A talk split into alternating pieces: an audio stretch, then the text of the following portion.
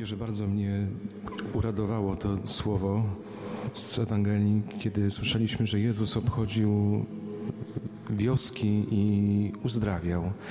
I cieszę się z tego, bo ta Ewangelia też spełnia się w naszym życiu, bo jesteśmy w wiosce i jesteśmy na, na uczcie eucharystycznej, czyli w miejscu, gdzie Jezus pragnie objawiać swoją moc, gdzie pragnie przychodzić tam też do nas z darem uzdrowienia, z darem, z darem uwolnienia. W psalmie słyszeliśmy e, przyczynę e, tego zniewolenia, które, które stało się chorobą tego braku wypowiadania się niemowy. Psalmista mówi, że mają usta, ale nie mówią, gardło ich nie wydaje głosu, czyli ci, którzy mają w sercu jakiegoś innego króla niż poza jedynym królem, którym jest Jezus Chrystus, stają się kimś, kto, kto nie ma kontaktu z sobą, kimś, kto nie potrafi wyrażać siebie. I wiecie, ta, ta choroba niemowy, to była niezwykła choroba. To była e, taka choroba, która sprawiła, że ten człowiek niemy zamknął się na, na relację, zamknął się na drugiego człowieka. On nie mógł się wypowiedzieć. Jezus wyrzucając z niego złego ducha, niejako również wchodząc w jego, w jego życie, w jego serca, sprawia, że ten człowiek znowu ma relację, znowu może, może, może rozmawiać z drugim człowiekiem. E, to jest bardzo ciekawe, bo w języku hebrajskim e, to słowo nieme można przetłumaczyć na takie znaczenie słowa, skąd jest również ta, ta przepadłość e, braku dialogu.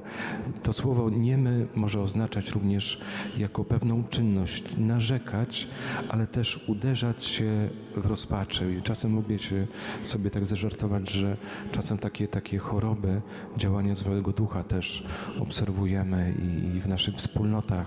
Znacie na pewno ten fragment psalmu, który, który, który ktoś sobie też wziął do serca. Mówi rano, w południe, wieczorem narzekam i, i jęczę.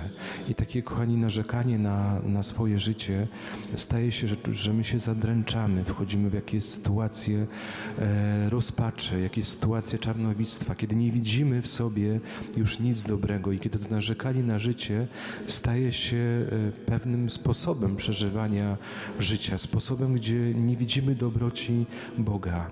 Zobaczcie, kiedy przychodzi Jezus, to nie my zaczął mówić, czyli mógł wyrażać siebie to, co myśli, to, co czuje, bez również e, zbędnego skrępowania. On wiedział, że przy Jezusie może się wyrazić. Zobaczcie, my również, kiedy, kiedy nabieramy tej sprawności duchowej, uczestnicząc w rekolekcjach, my również uczymy się tego dialogu komunikowania się z Jezusem, wypowiadania siebie bez skrępowania, bez lęku, wypowiadania siebie tego, co przeżywamy i potrzebujemy tej bliskości z naszym Panem, by, by zostać uzdrowiony, by móc też nawiązywać ten dialog miłości z, drugą, z drugą osobą. Dzisiaj Bóg też przypomina nam w tej liturgii bardzo piękną i bardzo ważną rzecz. Przypomina nam, że jesteśmy stworzeni do tego, abyśmy w swoim życiu uwielbiali Boga i to jest, powinien być cel naszego i sens naszego życia, czyli być Mu wdzięcznym za każdy kolejny dzień. I nasz Bóg Ojciec też nie chce, kiedy patrzy na, na Twoje i na moje życie, aby takie dziecko trwało w jakimś uporze serca.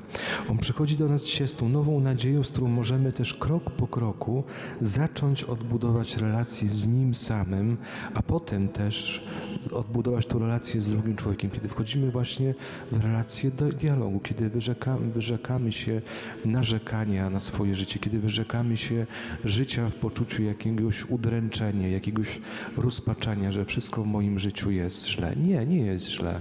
Czasem mamy trudne sytuacje, kiedy jest Chrystus, to jest wszystko, wszystko dobrze. Nawet jeżeli przeżywasz jakąś, jakąś burzę, on potrafi to zmienić.